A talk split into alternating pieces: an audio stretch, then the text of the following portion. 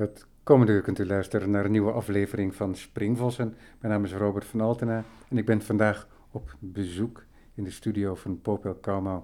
Dankjewel Popel dat je met me in gesprek wilt gaan. Ja, nou nee, dankjewel voor je Ja, komst. het is lang geleden dat we elkaar spraken met een microfoon ertussen. Heel lang geleden. Ja. Ja. ik weet eigenlijk niet eens meer wanneer precies. Ja, 10, 12 jaar geleden, Ja. zoiets. Een kort interview Ja. toen. Ik kan me goed herinneren nog. Ik heb je uitgenodigd niet omdat je nu een specifieke tentoonstelling hebt, juist niet. Hè? Je bent gewoon aan het werk. Gewoon aan Je, het je werk. bent wel tentoonstelling aan het voorbereiden. Precies. Er liggen grote dozen achter je met werk dat af is. Ja. Je bent opgeleid als fotograaf, ooit, denk ik, of niet? Ja, ik heb de Rietveld gedaan, eh, afdeling fotografie. Ja. In, in 2004 was ik klaar. Dus, eh, maar ik had altijd zoiets van fotografie vind ik fantastisch, maar ik miste een beetje het, het handwerk. Ik vind een foto is mooi, maar ik miste het maken van dingen. Dus ik ben vrij snel eigenlijk al met klei en papier mijn eigen werkelijkheid gaan, gaan creëren. Om dat vervolgens te fotograferen. Ja, Ja. en daar zitten allerlei stappen tussen en zo heb je je eigen wereld gecreëerd. Ja, absoluut. Ik heb hier zicht op werk van je, eh, maar ook op schetsen.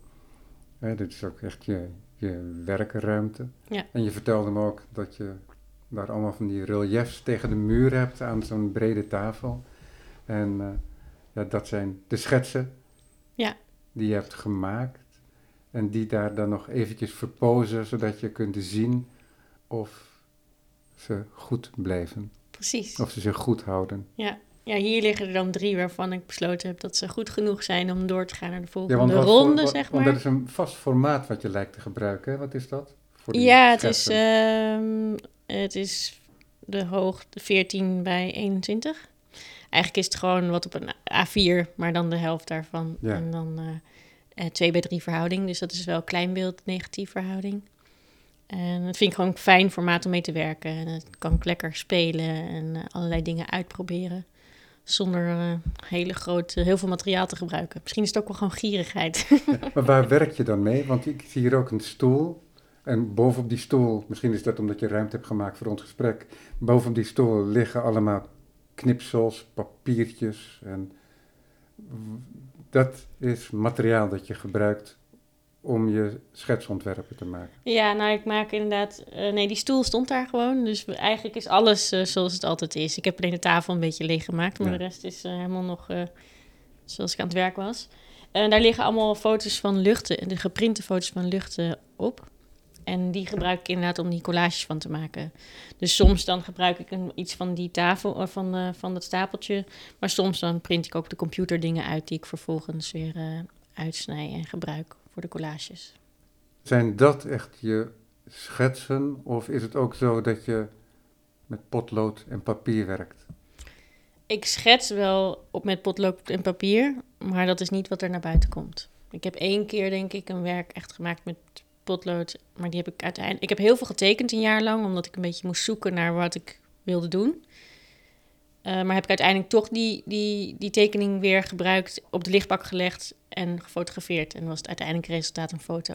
Ja, want je werken, zoals ik dat heb leren kennen, dat zijn vaak vrij grote werken. Hè? Dat formaat dat achter je ligt in die dozen, wat is dat? 130 centimeter bij 87 centimeter. Dus dat zijn echt objecten ook. Hè? Het zijn reliefs. Ja.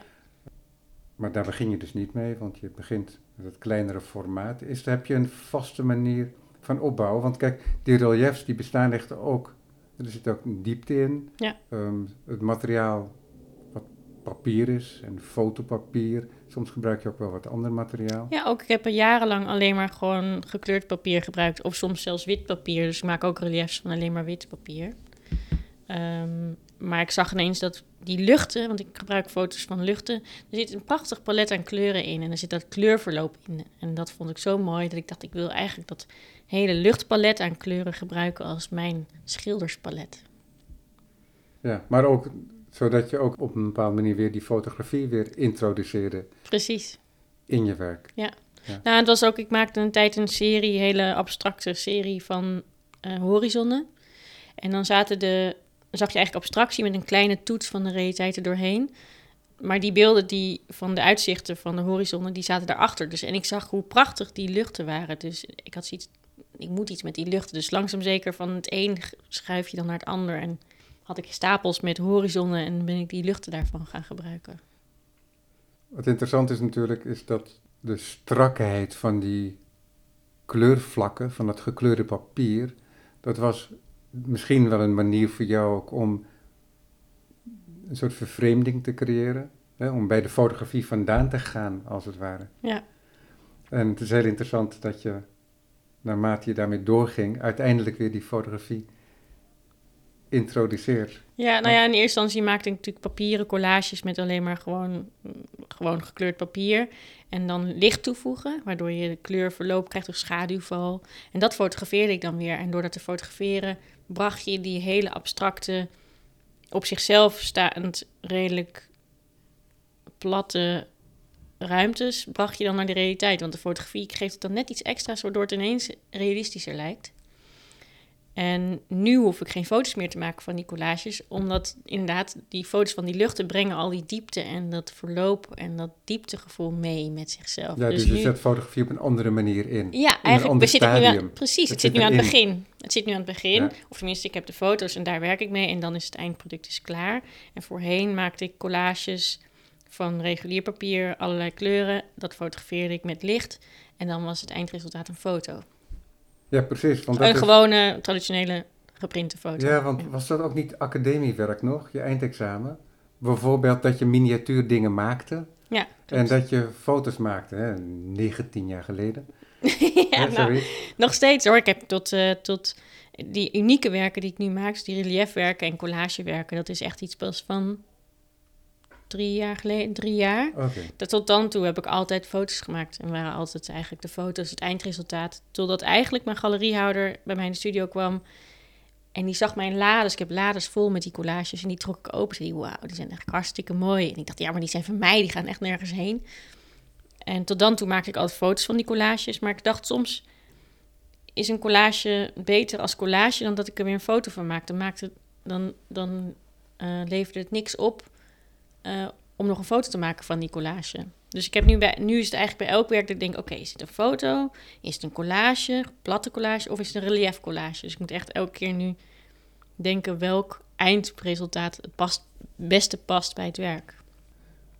Ja, als fotograaf heb je natuurlijk altijd al te maken met schaal.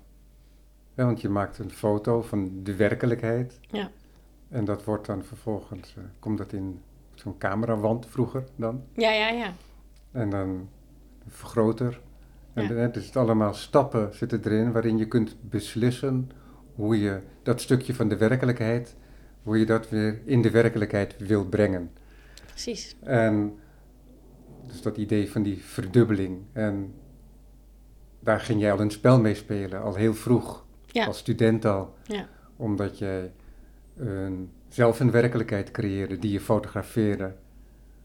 En waarbij je speelde met dat kantelpunt tussen werkelijkheid en creatie. Precies. En laten we zeggen tussen poppenhuis en echt huis. Hè? Dat, ja. dat idee. Ja, en, ik kon mijn visie geven op de ruimte zoals ik dingen ervaarde. Dus ik zie ruimtes op mijn, door mijn ogen en ik ervaar ze waarschijnlijk anders dan ieder ander, maar door er een collage te, van te maken en het dan weer te fotograferen, kon ik mensen dwingen ook op mijn, door, ja, via mijn ogen te kijken en ook het op die manier te zien. Zo beschrijft Leonardo ook, uh, Da Vinci, ook de opdracht van de schilder. Om, oh om de werkelijkheid te benaderen, moet je een selectie maken van wat je wil schilderen. En dat moet je weer volgens waarachtigheid meegeven, dan in zijn geval met verf. Maar dat is precies wat jij nu zegt ook. Ja, dat, uh, ja, dat zo'n nou- opdracht niet verandert eigenlijk. Ja, precies. Nou ja, ik vind het ook leuk om... Ik ben altijd wel jaloers ergens was ik op schilders die helemaal hun eigen visie kunnen geven op de realiteit. Want zij kunnen gewoon op het doek neerzetten wat ze, wat ze belangrijk vinden. En ik had als iets, dat wil ik ook, maar dan met de fotografie. En door op deze manier te werken zoals ik dat doe, kan ik het ook. Kan ik net als een schilder werken. Dat is heel fijn. Ja, maar er zit ook natuurlijk iets heel fysieks in jouw manier van werken, die eigen is aan jou. En dat is dat je het kennelijk fijn vindt om met die materialen iets op te bouwen. Een, een soort werkelijkheid te Ja. creëren. Die werkelijkheid die je ziet waarvan je dingen neemt om ze te, goed te representeren. Ja. Maar wat er gaandeweg natuurlijk ook is gebeurd, is dat het je eigen werkelijkheid is. Dus het is een werkelijkheid die je ziet middels je verbeelding en middels datgene wat je al verbeeld hebt. Hè, dat wordt een werkelijkheid op zich. Ja. En de werkelijkheid namelijk van je oeuvre. ja, inderdaad. Ja, het is mijn. Het is echt, dus ik denk misschien wel het maken, dus dat hele fysieke maken van die dingen, zorgt ook dat ik in mijn wereld kom en dat ik dat hele creëren. Want van het een, als ik iets aan het snijden ben en dan liggen dan de leftovers liggen naast mij en dan denk ik, oh, dat is mooi. En dan, of ik pak per ongeluk iets ander materiaal of in een doos vind ik een beetje eh, natural foam en denk, wauw, dat is mooi. En zo groeien de dingen. En dan zo langzaam zeker vanuit niet zozeer door van buitenaf dingen tot me te laten komen. Ook wel natuurlijk, want iedereen ziet de hele dag dingen. Maar door gewoon, door actief te handelen en te werken en dingen te maken, groeit mijn eigen werkelijkheid. En ontstaan er binnen de paden die ik beloop weer zijweggetjes aan opties die ik ook kan, eh, kan, kan, kan belopen of die ik uit kan voeren. En zo ben ik van platwerk naar reliefwerk of van foto's naar platte collages naar reliefwerk gegaan. Dat idee van schaal, daar denk jij volgens mij niet eens echt over na. Dat doe je gewoon, hè? Bedoel je in de uiteindelijke uitvoering? Ja, want kijk, het moment dat je. Want die collages die jouw galerist zag Ja, ja. toen jij je lades opentrok, dat zijn kleine collages. Ja. De fotografie zorgde voor de schaalvergroting. Precies. En dat is niet hetzelfde, hè, dat vraagt niet hetzelfde als een schaalvergroting van zo'n relief. En mensen moeten heel goed beseffen dat zo'n relief, dat is die kleine dingen, die zijn veel steviger zou je kunnen zeggen, want die Ja. zijn helemaal opgebouwd, heel strak uit lage ehm, schuim. Ja, het is eh, natural foam. Dus En eh, eh, met eh, een kleurvlak erop. Dus ik zie het echt zo op tafel liggen hier. Ja. Het zijn soort kleine terrassen. ja, hè, ja, zijn als het. je van de Als, zijkant als ze kijkt, zo dan... plat op tafel liggen. ja. En ik heb in mijn oogveld een heel mooi blauwwerk. Dat is zo'n groot werk. En wat opvallend is, is dat al die panelen, maar het zijn er geen panelen, al, die, al dat papier, dat vormt één geheel. Maar je ziet ook dat er een bepaalde losheid in zit. Dus het is net alsof het één vel was en dat er hier, af en, hier en daar een incisie is gemaakt, zodat die los kon komen. Ja. Ja, zoals je wel eens kunt hebben in van die oude kinderboeken. Ja, Dat je ja. het openvouwt en dat er Dat dan zo'n loskomt. architectuur Ja. losvouwt. Ja. En die losheid heeft het. En dat is ontzettend belangrijk. Want het is gewoon eigenlijk een plat werk. Ja. De dikte van het papier. Maar het is groot. En het heeft een architectonische stevigheid. En tegelijkertijd heeft het ook die losheid van, ik weet niet eens hoe die techniek of hoe dat verschijnt te leed, maar van zo'n, inderdaad, zo'n gevouwen architectuur. Hè? Ja. En, ehm, en dat is heel belangrijk om te beseffen, want dat geeft ook een soort, op een gekke manier een soort lucht erin, die die ruimtes weer versterken, ja. terwijl het ook die illusie doorbreekt, omdat het het objectmatige eh, doorbreekt. Ja. Dus dat is een hele Ja, ik denk als je dit... Ja. paradox. Ja, ik denk als je dit nu zo zegt, dan ehm, is speels gewoon denk ik een heel belangrijk onderdeel van mijn werk. Dus je hebt die hele strakheid, die architectonische vormen en dan moet er ook een soort speelsheid in zitten, waardoor je ook die dualiteit krijgt van de dingen die tegenover elkaar staan. En ehm, ehm, ja, ik denk dat het ook leuk is of mooi is om mensen een beetje te verwarren en dat het op verschillende niveaus, het werk zich op verschillende niveaus afspeelt. Heb je ook wel eens de neiging om wat te bouwen? Ik ben heel langzaam zeker, voor mijn gevoel, al aan het bouwen met die reliefwerken. Dus ik ben langzaam zeker ga ik de ruimte in. En in mijn tentoonstelling in Den Haag in het Fotomuseum heb ik natuurlijk voor het eerst ook de trappen en de muren en de vloeren meegenomen. Dus dat was voor mij al bouwen in de zin van met foto's van luchten ook weer uh, de vloeren en de muren meenemen. Maar ik heb nog niet uh, iets als een maquette. Ja, maquettes ben ik nu aan het bouwen en dat vind ik fantastisch. Dus ik ga nu ook voor de galerie tentoonstelling ook een maquette bouwen, omdat ik die maquettes vaak zelf al heel mooi vind. Ja. En kijken of dat dan een werk wordt of dat het alleen maar als inspiratie voor de tentoonstelling gaat dienen. Um, ik heb nu ook voor twee mensen wel een maquette gebouwd. En was ik eigenlijk jaloers dat ze die weer meenamen. Want ik dacht, die wil ik eigenlijk wil ik zelf wel houden. ja. ja.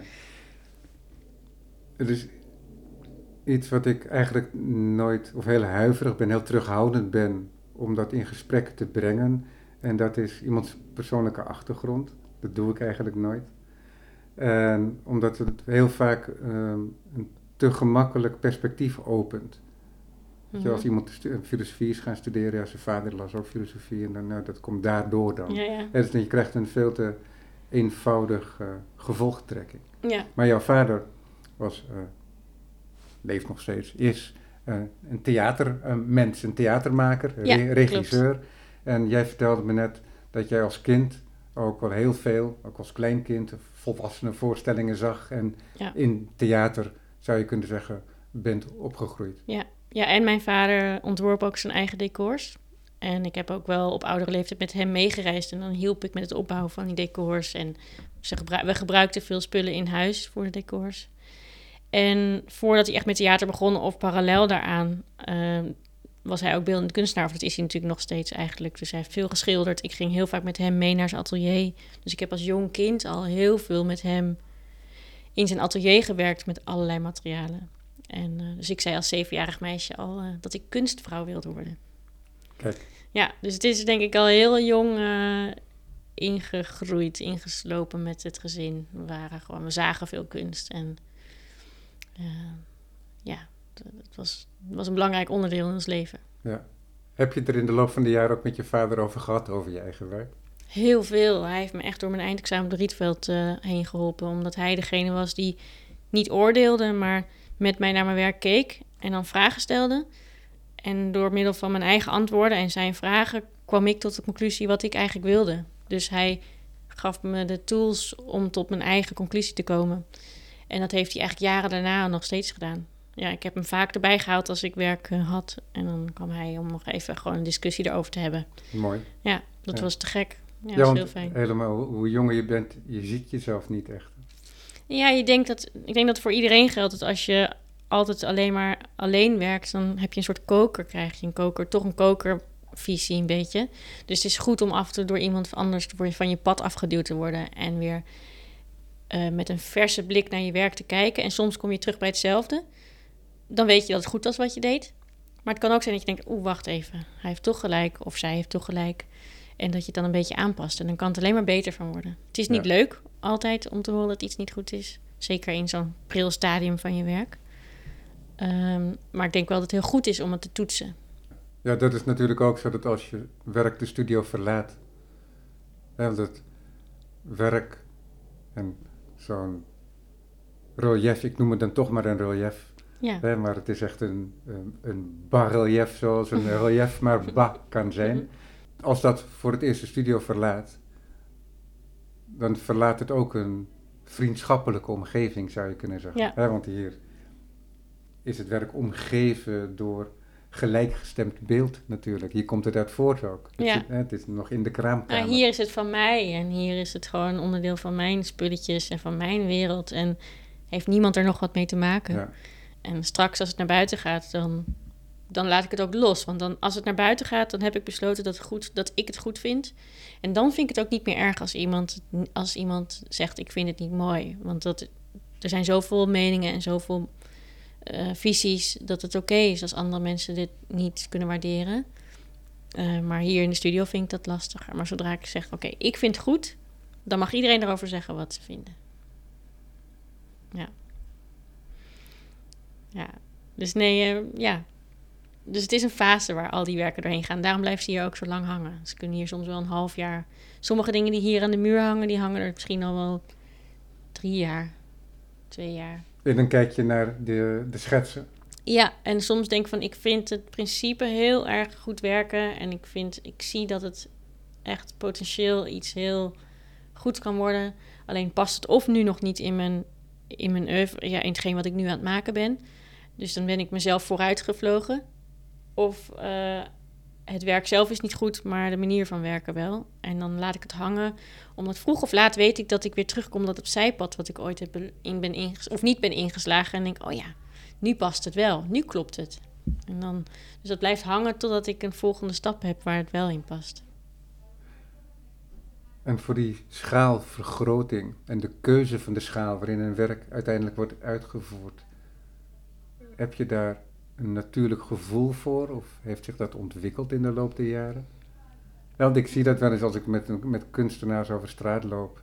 En sommige kunstenaars hebben zo'n fantastisch gevoel voor ruimte bijvoorbeeld. En die zien dan dingen. En denk van, oh ja, zo kun je het ook zien inderdaad. Oh ja. Heel erg verrast, weet je wel. Dus in, in, die manier bedoel ik dat ook een beetje. Voor jou is dat heel intuïtief. Ja. Ja, ik, ik denk intuïtief inderdaad het beste woord is. Want ik loop ook eens met kunstenaar en die zien. Dan denk ik, hé, heb ik dat niet kunnen zien? Of zelfs bij mijn eigen werk. Dan lijkt ik een blinde vlek voor iets te hebben. En dan zien halen andere mensen dat er wel uit. Um, ik heb een... Ja, dus voor mijn eigen werk kan ik altijd denken... ja, ik weet dat deze groot moet en deze moet klein... en die moet intiem en die andere moet monumentaal worden. Uh, en buitenwereld gaat alles gewoon soort van komt binnen. En dan maak ik foto's van als ik iets interessant vind. Maar als ik dan moet uitleggen waarom, dat is dan weer wat anders. En, uh, maar ik vind het wel interessant om de dingen die ik bij, in de buitenwereld zie en terug meeneem naar, naar mijn studio en dan op kleine schaal namaak. Ja, dan zie ik wel dat ik diezelfde monumentaliteit wil bereiken als wat ik buiten heb gezien. Maar het wel dan uit zijn realiteit trekken. Dus het moet een soort van mengelmoes zijn van monumentaal en abstract en werkelijkheid en niet-werkelijkheid. Ja, want ik kan me voorstellen dat je schetsen daardoor ook langzamerhand veranderen. Dat die al veel meer gemaakt zijn met dat gevoel. Ja, zeker. Voor die schaalvergroting waar je naartoe wilt. En dat je daardoor eigenlijk al in het schetsontwerp andere keuzes maakt. Zeker. Was dat, is dat aanwijsbaar voor jou geweest? Of is dat iets wat langzamerhand zo gebeurt? Um, je bedoelt het moment waarin dat gebeurd is? Ja, kijk, weet je, naar momenten vragen, dat is natuurlijk altijd een illusie oproepen. ja. Dat weet ik. Nee, maar op een gegeven moment besef je wel dat zoiets um, ja, dat het, manifesteert. Ja, um, ik denk dat dat...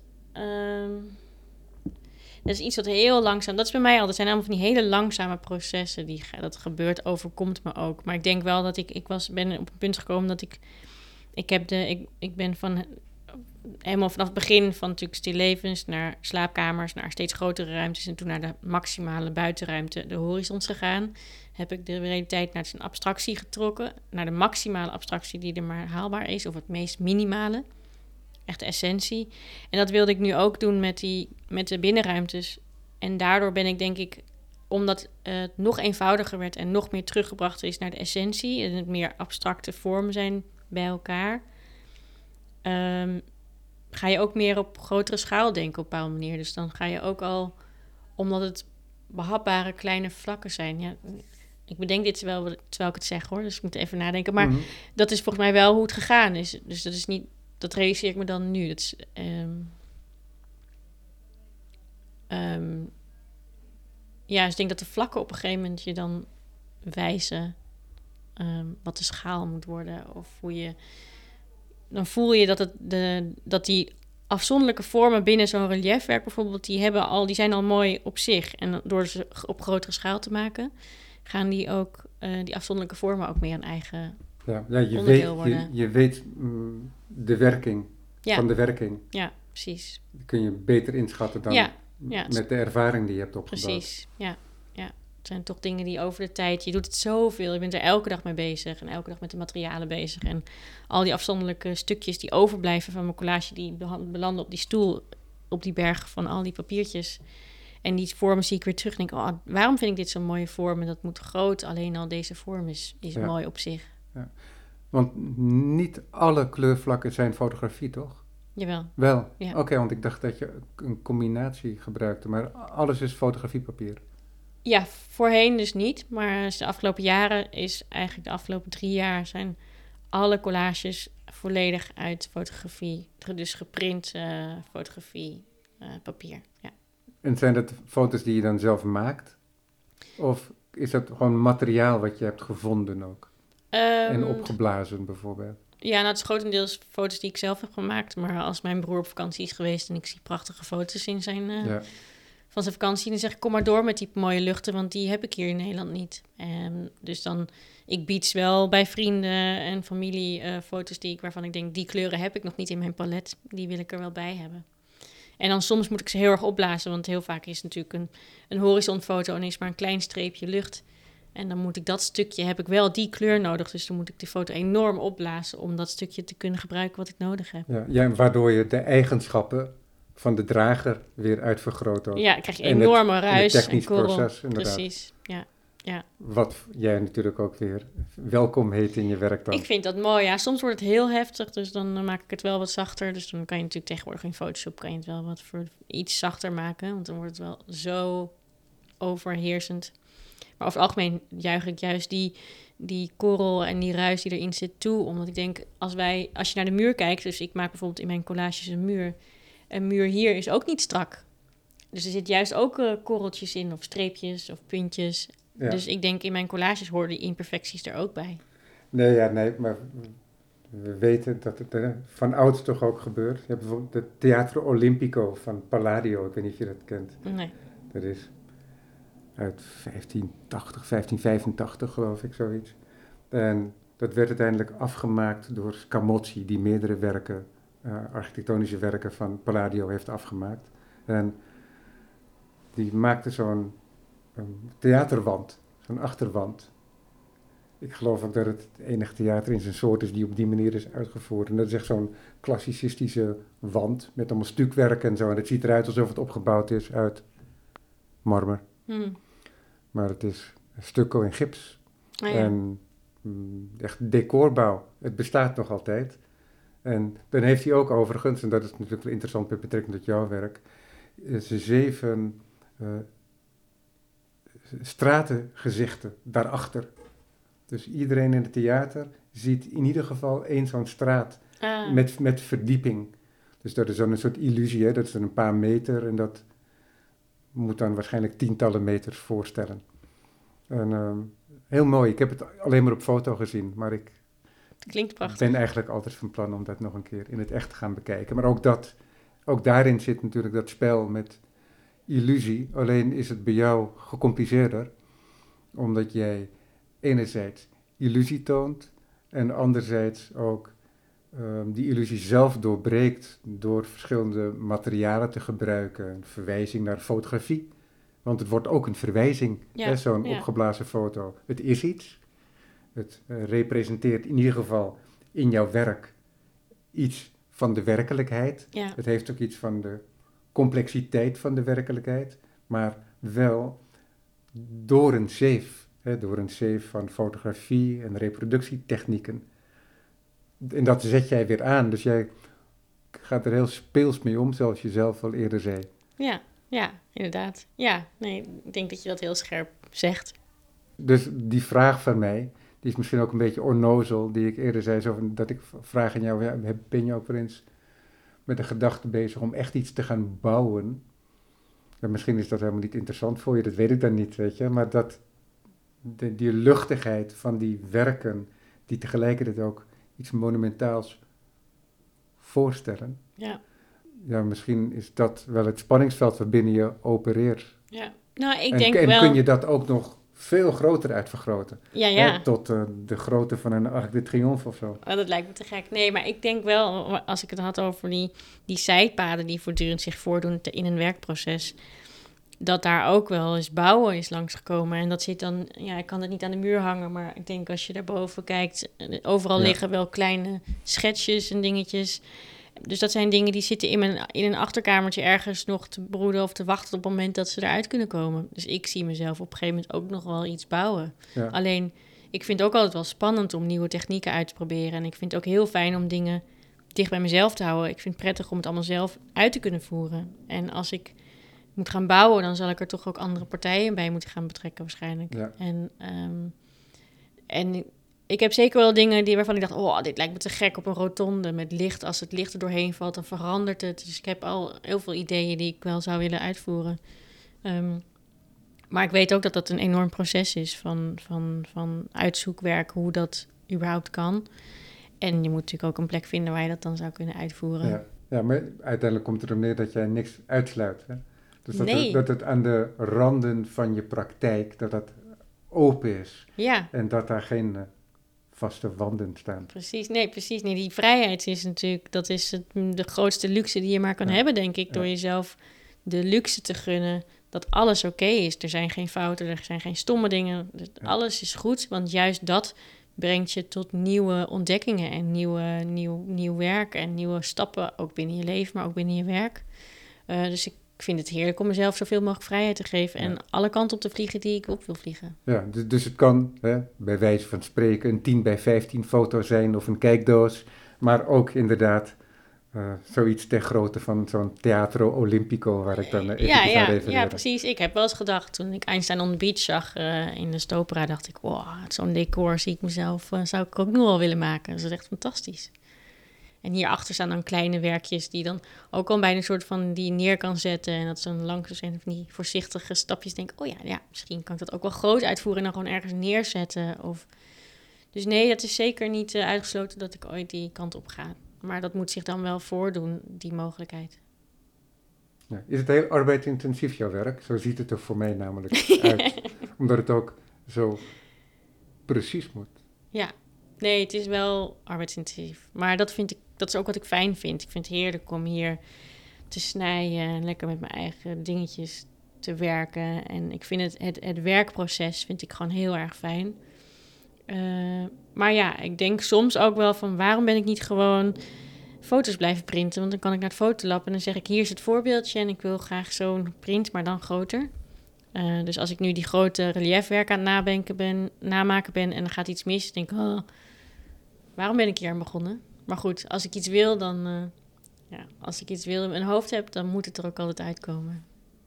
Ja, dan uh, ga ik niet, ik ga niet uit de weg voor, uh, voor grenzen die, waarvan we denken dat kan misschien niet of dat is moeilijk. Moeilijk ken ik niet. Of dit bestaat is wel moeilijk, maar er wordt de uitdaging alleen maar interessanter en groter van. Ja. Kijk jij veel om je heen? In mijn studio de hele dag. Nee, en buiten ook. Ik denk ook als ik bijvoorbeeld naar een museum ga, dan ben ik heel regelmatig meer met alles om de werken heen bezig dan de werken zelf. Dus ik kijk heel erg naar de belichting in musea. Als ik dan die belichting zie of ik zie een werk en dan zie ik al die schaduwen in het werk en daaromheen en denk van, ah, dat is toch, dat doet zo mee voor mij uh, met een werk zelf. Bijvoorbeeld, ik had een Mondriaan werk in een werk van Mondriaan gezien in het Kunstmuseum in Den Haag en dan die schaduwen eromheen, die zijn fantastisch. Maar ik weet niet of degene die daar opgehangen heeft en belicht heeft, daar bewust over nagedacht heeft. Ja. Um, dus ja, ik kijk veel om me heen, denk ik. Maar ik mis, als ik met andere kunstenaars loop, merk ik hoeveel ik ook mis.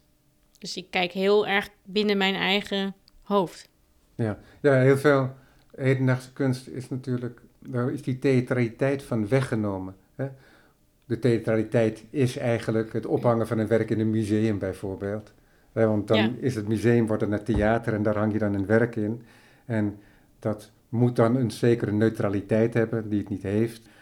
Maar nog een architectuurvoorbeeld van iets later dan waar ik het net over had in de 17e eeuw, Bernini. Gian Lorenzo Bernini, die echt bekend was om in de architectuur ook met licht te werken. En Hmm. bij hem waren dat dan verstopte raampjes die nog even lichtbronnen waren. En dat heeft hij herhaaldelijk toegepast, ook op zo'n prachtige trompe-l'œil-trap. Dat is een trap die volgens mij het Vaticaanpaleis verbindt met uh, Sint-Pieter. Hm. En daar heeft die Bernini, volgens mij in de jaren 50 van de 17e eeuw, een trap gemaakt. En ja, die ziet er weer uit als een enorme trap. Maar die is heel klein eigenlijk. Die is veel korter dan die, dan die lijkt. En dat wordt gedramatiseerd omdat hij ook nog een extra raam heeft gecreëerd, waardoor je lichtval krijgt. En dus ook uh, een soort uh, dramatische focus, waardoor Ja. zichtbaar worden. En dat is iets wat belangrijk is ook in jouw werk, in zekere zin, op jouw manier natuurlijk. Maar dat is iets wat je weinig ziet. Hè? Schilders doen dat natuurlijk binnen een schilderij. Ja, Maar, ehm, en dat is interessant van wat jij zojuist zegt, dat ik als ik naar de tentoonstelling ga, dan kijk ik natuurlijk naar het werk, maar ik kijk ook naar de voorwaarden ja, hè, die het eh, ophangen van het werk mogelijk maken. ja, En dus eigenlijk ook het museum of de tentoonstellingsplek, hè, om het ruimer te trekken, ja, als, als theater eigenlijk ook. Ja, nee, het is, ik denk dat die gebouwen vind ik eigenlijk vaak... Dat zijn vaak de redenen waarom ik het meest zin heb om naar een museum te gaan. Ik denk, oh, dan mag ik dat nieuwe gebouw zien. Of eh, kan ik daarheen. Of, omdat die... Ik vind eigenlijk architectuur ontzettend interessant. Inderdaad, nou wat jij zegt over raampjes die toegepast worden... die anderen misschien niet zien. Dan denk ik, oh, waarom waarom is die daar? Of er komt net een licht vandaan. Of, eh, dat zijn denk, wel dingen die mij overal inspireren... als ik naar dat soort plekken ga. Het zijn vaak natuurlijk wel wat monumentalere gebouwen waar kunst getoond wordt. Vaak. Ga je er op die manier ook speciaal op uit? Niet vaak, maar ik doe het wel, zeker. Maar vooral als ik voor mijn werk naar het buitenland moet, dan zorg ik dat ik zoveel mogelijk musea zie. Ja, dus als je in de wereld beweegt, dan Ja, precies. doe je dat. Ja, ja. ja, dus eh, nee, als ik weet dat ergens een tentoonstelling is en het is ook in een gebouw waarvan ik denk, oh, die wil ik wel een keer graag zien, dan ga ik daar met heel veel plezier heen. Stiekem vooral voor het, voor het gebouw om te kijken. En ook om daar inspiratie vandaan te halen en eh, weer eh, ja, delen te vinden die goed voor mij in mijn eigen werk toepasbaar zijn. Ja. En sla je dat dan op of leg je het vast in een tekening of een schetsje? Met een telefoonfoto. Oh ja, zo kan dat natuurlijk ook. Ja, nee, ik heb, eh, een hele, ik heb op mijn computer zo'n hele database met, eh, dat heet dan ruimtes. En alles wat ik fotografeer qua ruimtes, dat gaat daarin. En daar scroll ik weer af en toe heen. En dat zijn ook werken van tien jaar geleden, die ik toen niet interessant vond, maar die ik nu ineens begrijp, waar ik nu ineens de vertaalslag van kan maken. Ja, of dat je er nu iets in ziet wat je toen... Ja, ik zag er toen in, al Vanuit wat een perspectief dat je toen nog niet had. Ja, ja, ik zag het toen wel. Ik vond het toen al interessant, maar ik wist niet hoe ik die vertaalslag moest maken naar mijn eigen werk. En dat zie ik dan nu soms ineens wel. En denk ik, oh, maar zo kan ik het naar de essentie terugbrengen. Of zo kan ik het eh, vertalen naar, de, naar mijn werkelijkheid. En past het binnen mijn werk. Ja. Werk jij seriematig?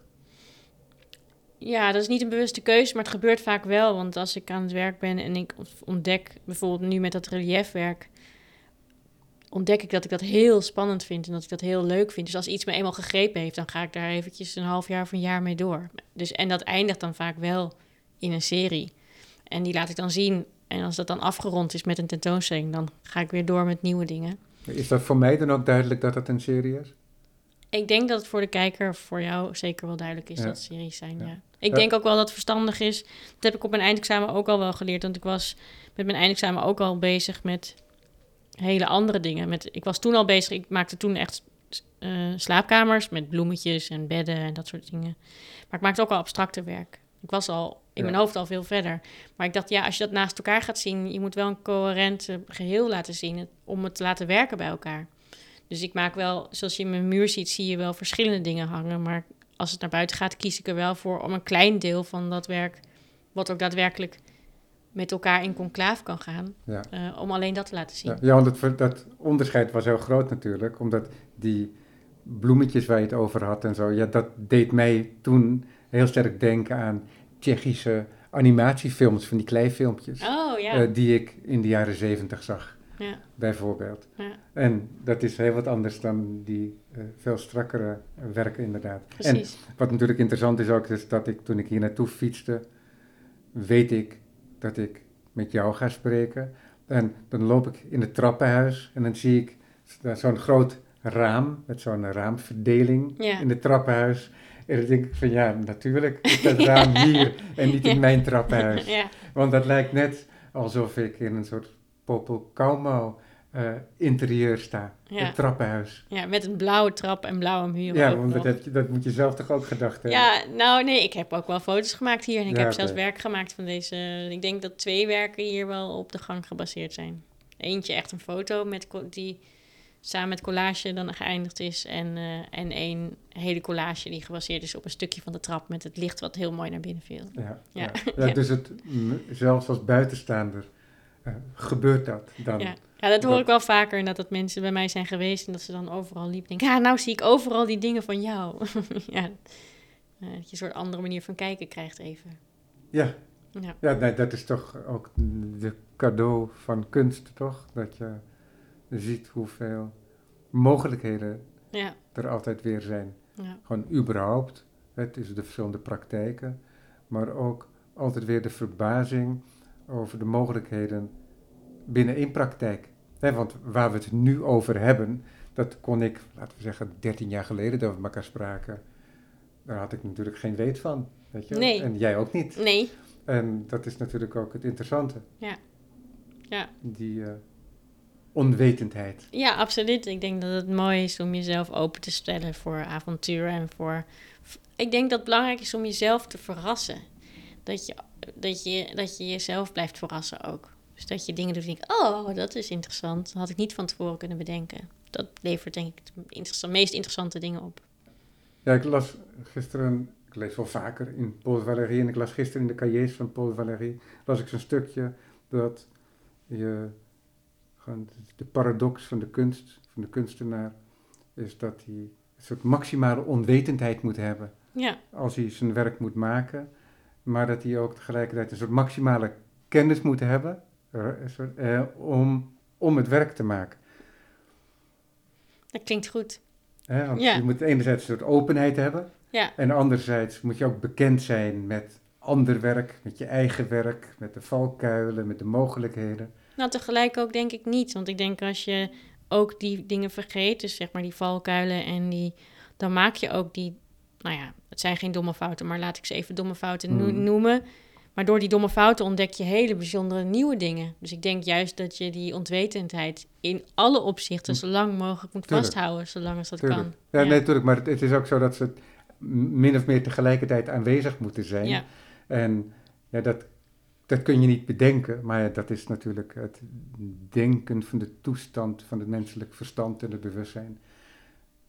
En het is ook niet voor niks dat we daar zo weinig van af weten. ja, ja, Eh, ja, gelukkig maar. Misschien. Ja, nee, dat is ook de vreugde van, van de kunsten natuurlijk. Ja. En ongetwijfeld ook van de wetenschappen. Ja. Ja. Ja. Je bent nu werk aan het maken voor, het, voor twee tentoonstellingen, zei je. Eh, drie zelfs. Drie zelfs. Ja. Wat voor ehm, tentoonstellingen zijn dat? eh, Want wij, wij, kijk, wij spreken elkaar nu, half juni. Ja. En die tentoonstellingen vinden wanneer plaats? Ehm, eerst opent Museum Hilversum. Eh, een duo tentoonstelling met Tamar Frank. En daar krijg ik twee etages. Dat gaat wel echt over bestaanswerk. Maar ik wil wel, als het allemaal financieel rondkrijgen, de ruimte meenemen. Dus wat ik ook in Den Haag heb gedaan, de muren en de vloer ook voor een deel mee laten nemen. Ehm, en eh, daarna is Unseen, krijg ik één solo-presentatie waarin ik ook de muren en de vloeren wil gebruiken, dus gaan kleur geven.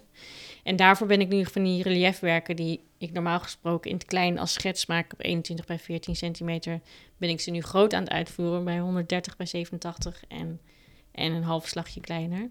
En dan heb ik begin, begin november krijg ik een solo bij Torch Gallery in Amsterdam. En daar ben ik nu ook al wel dingen voor aan het doen. Omdat ik wil zoveel mogelijk. Wat ik nu kan doen is mooi, want er komt de zomervakantie aan en dan moet alles straks op het laatste. En daar heb ik, zit ik niet op te wachten. Dus alles wat ik nu al weet, wat ik wil gaan laten zien, probeer ik nu al te maken. Ja, en dan heb ik ook tijd om met de maquettes die ik van de ruimte heb gemaakt nog een beetje te spelen en te schuiven en eh, te kijken wat werkt. Dan kan ik mezelf verrassen Ja, met een interessant- plotselinge. Het is interessant natuurlijk, want er zijn wel meerdere kunstenaars die maquettes maken van ten- tentoonstellingsruimtes Ja. voorafgaand aan een tentoonstelling. Ja. Maar bij jou is dat natuurlijk, krijgt dat een soort verdubbeling, ja, omdat je werk ook al die maquettes zijn. En, Ja, nou ja, voor het eerst dacht ik nu ook... Ik heb dus nu voor Den Haag voor het eerst in mijn leven een maquette gemaakt... en daarna voor twee anderen om ze te helpen voor de tentoonstelling. En nu dacht ik voor het eerst, dacht ik... oké, ik wil voor Torch Gallery, dat is best een complexe ruimte... Dat heb ik nooit eerder gedaan, nog nooit een maquette van gemaakt. Maar ik dacht, nu wil ik wel maquette maken, misschien wel als gewoon werk. Want ik vind die, die ingeplakte maquettes met alle kleur op de muren en al die dingetjes waar ik mee speel en waarmee ik experimenteer, vind ik zo vaak mooi. De zonde is dat het hier maar in mijn studio blijft liggen.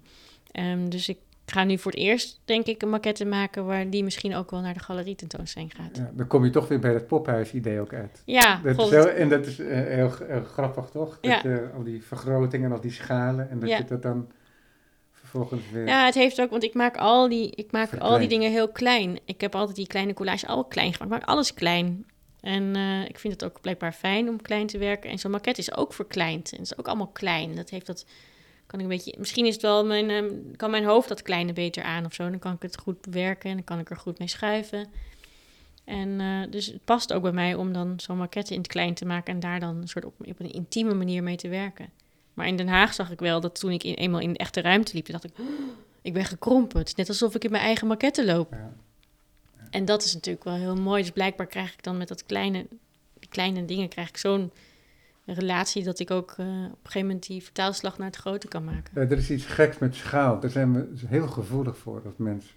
Ja, Kennelijk. Ja. En ik heb het al 's ochtends als ik bijvoorbeeld me sta te scheren terwijl ik mijn slippers aan heb. ja. Ik heb van die Japanse slippers waar ik dan op loop en dan, zijn, dan ben ik anderhalf, twee centimeter hoger. En dat is dan heel gek, want dan lijkt ik net of ik ehm, daar boven toren, waar ik normaal gesproken sta, Mm. terwijl het verwaarloosbaar is. Maar ja, En kennelijk is dat iets, ehm, en daar speel jij natuurlijk ook mee, dat, maar er bestaat heel veel werk bestaat daaruit met dat spel van schaal. Ja, hè. ja. Ik denk nu aan Matisse, omdat ik daar net een foto van zag voordat ik hier naartoe fietste. ja. En, eh, maar ik zag ook bijvoorbeeld, je hebt van die serie hè, van de schoonheid en de troost van de net overleden Wim Keizer. Mm. En ehm dan interviewt hij een snaartheoreticus, Edward Witten. En die probeert dan aan de leek duidelijk te maken hoe de schaal is van de atoom ten opzichte van een snaar. En, eh, en dan zegt hij uiteindelijk zo van ja, de relatie tussen de atoom en de snaar is net zoiets als de relatie van de atoom tot ons zonnestelsel. Wauw, ja, ja.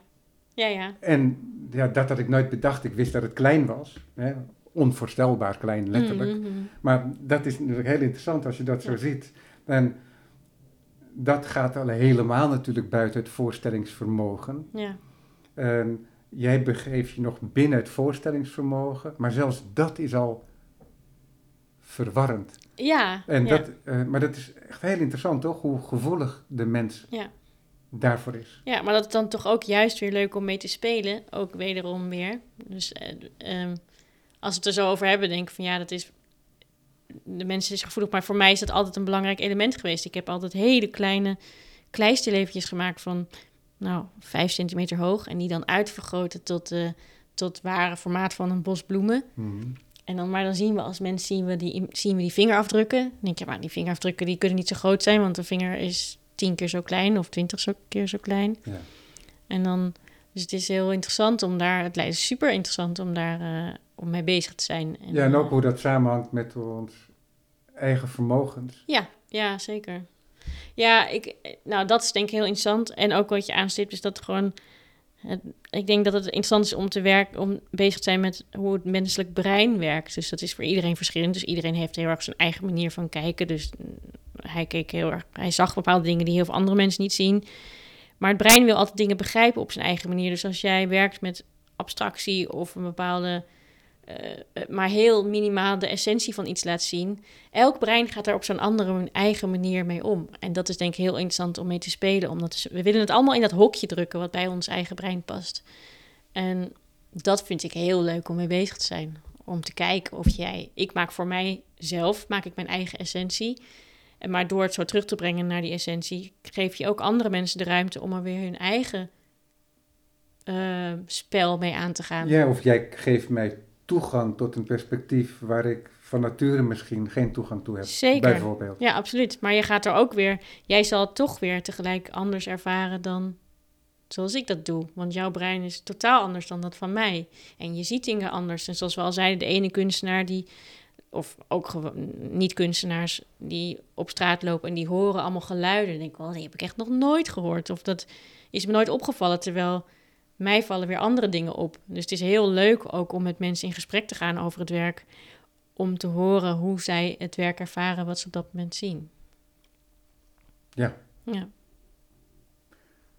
Dat maken van zijn tentoonstelling. En hè, nu zeg je al zo van ja, ik heb dan ook eigenlijk nu de aanvechting om daar helemaal ook een maquette van te maken. Mhm. Hè, dus een kleine representatie. Heb jij een volledig beeld van zo'n tentoonstelling? Ontwerp je dat helemaal? Ehm, normaal gesproken. Zoals je zo'n maquette ontwerpt dan, hè, waardoor het heel dicht ook tegen werk aankomt Ja. te liggen.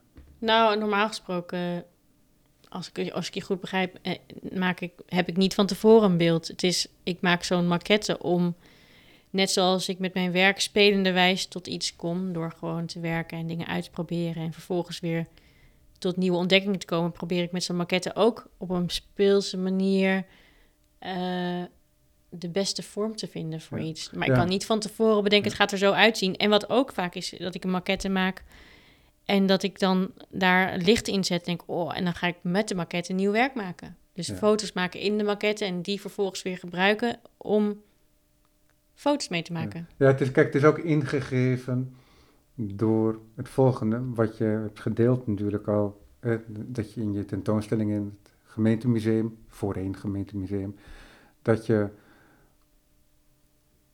werk ook ter plekke maakt. Hè? Dus dat je de architectuur ter plaatse ook gebruikt en dat het ook werk wordt. Ja. En dus die, de architectuur wordt, laten we zeggen, gereduceerd tot maquette.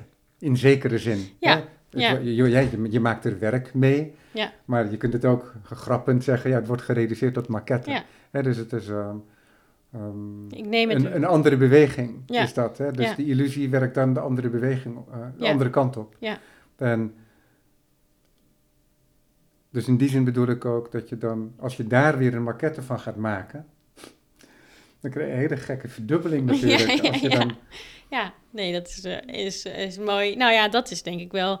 Je krijgt een soort drosten, toch? Of niet? Ja. ja. Ja. dat is wel waar ik ook wel, wat ik in Den Haag ook wel heb gedaan, is dat ik, ik heb natuurlijk eerst foto's genomen van de ruimte.